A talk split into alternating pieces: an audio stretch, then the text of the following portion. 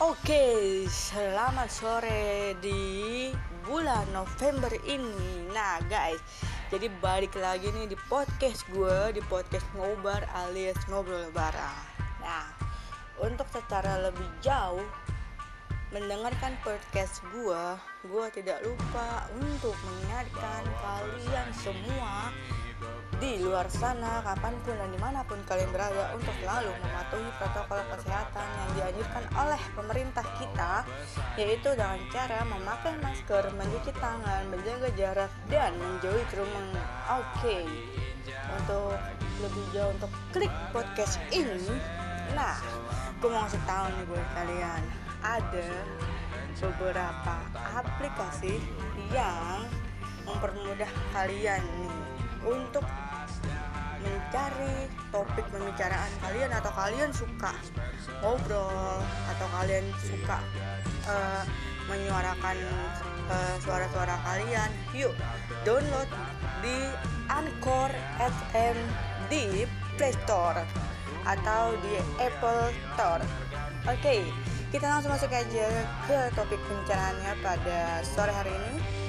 Nah guys jadi akhir-akhir ini banyak banget berita yang seharusnya menjadi uh, hal yang ditanggapi secara serius.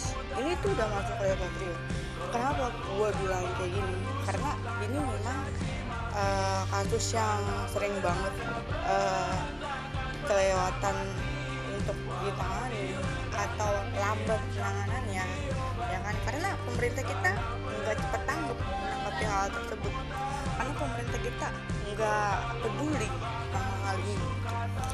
Jadi di sini uh, dunia pertelevisian kita menanyakan lagi ya kan berita-berita mengenai tentang kekerasan kepada perempuan kasus pencabulan kasus perundungan nih udah mulai muncul kembali setelah sekian lama dunia pertelevisian tidak menayangkan berita tersebut. Namun sekarang di up lagi dan mulai muncul lagi di beberapa tayangan televisi kita. Oke okay, guys.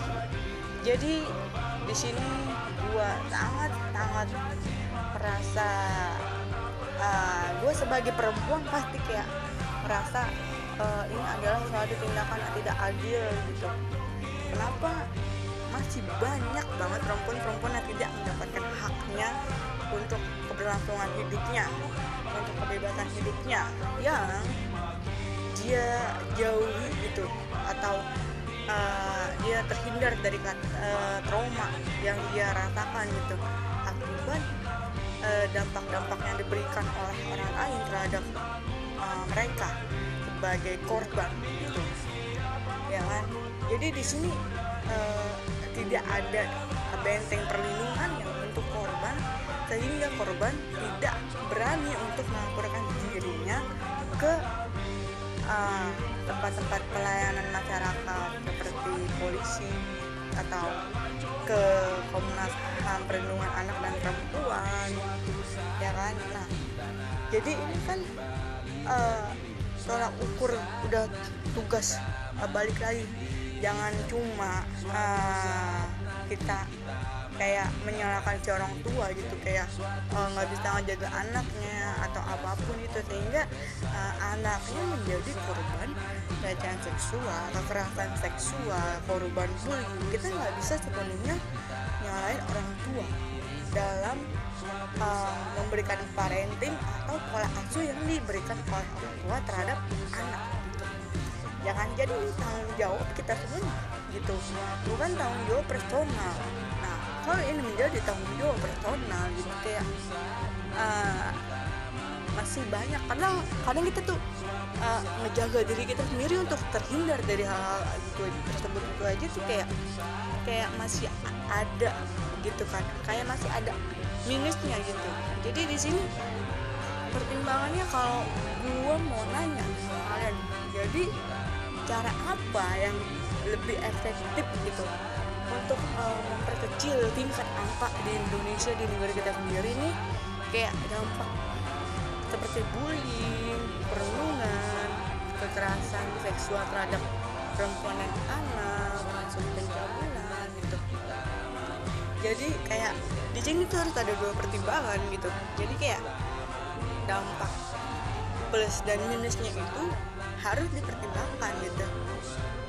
Jadi uh, gue sebagai warga negara Indonesia sendiri gue sebagai masyarakat sendiri uh, untuk kita ayo kita sama-sama peduli dengan menindak atau menolak secara keras dan tegas untuk tidak adanya lagi kejadian seperti ini.